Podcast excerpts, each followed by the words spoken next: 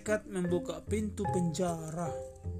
Kisah para Rasul 5 ayat 12 sampai 42. Banyak sekali orang yang datang untuk mendengar murid-murid. Sebagian datang dari tempat yang jauh, banyak orang yang sakit juga datang. Murid-murid menyembuhkan orang-orang sakit dan bercerita tentang Yesus kepada mereka. Lalu Imam Agung menjadi marah katanya. Kata kita tidak boleh membiarkan orang ini bicara tentang Yesus. Kita harus menghentikan mereka. Jadi Imam Agung memasukkan murid-murid itu ke dalam penjara kembali. Ia mengunci pintu penjara rapat-rapat dan dia menempatkan penjaga di depan pintu selalu untuk mengawasi mereka. Tapi malamnya seorang malaikat datang ke penjara. Malaikat itu membuka pintu penjara. Ia membawa murid-murid keluar. Para penjaga sama sekali tidak mendengar mereka dan tidak melihat mereka pergi. Malaikat itu berkata kepada para murid, Pergi, telah ke bait suci, ceritakan tentang Yesus lagi. Jadi para murid itu pergi ke bait suci. Pagi-pagi sekali orang datang-datang ke bait suci dan di sana mereka melihat para murid.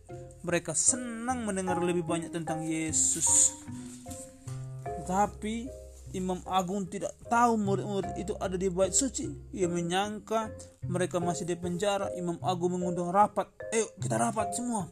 Lalu ia mengirim serdaru menjemput para murid dari penjara. Ketika saudara-saudara itu sampai ke penjara, para penjaga berada di dekat pintu.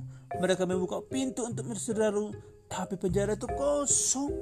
Murid-murid tidak ada di sana. Lalu para serdaru bergegas-gegas kembali kepada imam. Ke Imam Agung mereka memberitahunya eh Tuhan penjara terkunci dan para penjaga ada di depan pintu.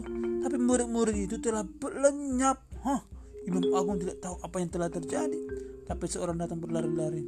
Katanya para murid ada di bait suci Tuhan mereka bercerita, bercerita tentang Yesus kembali. Lalu saudara-saudara bergegas ke bait suci mereka menangkap murid-murid dan mereka membawa para murid kepada Imam Agung.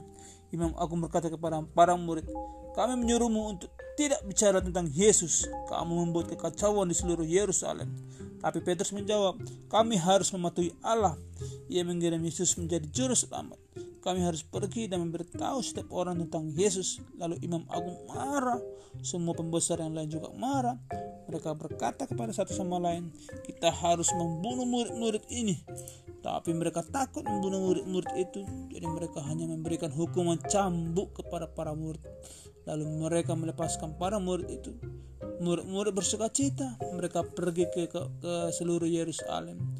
Mereka memberitahu tentang setiap orang siapa itu Yesus. Amin.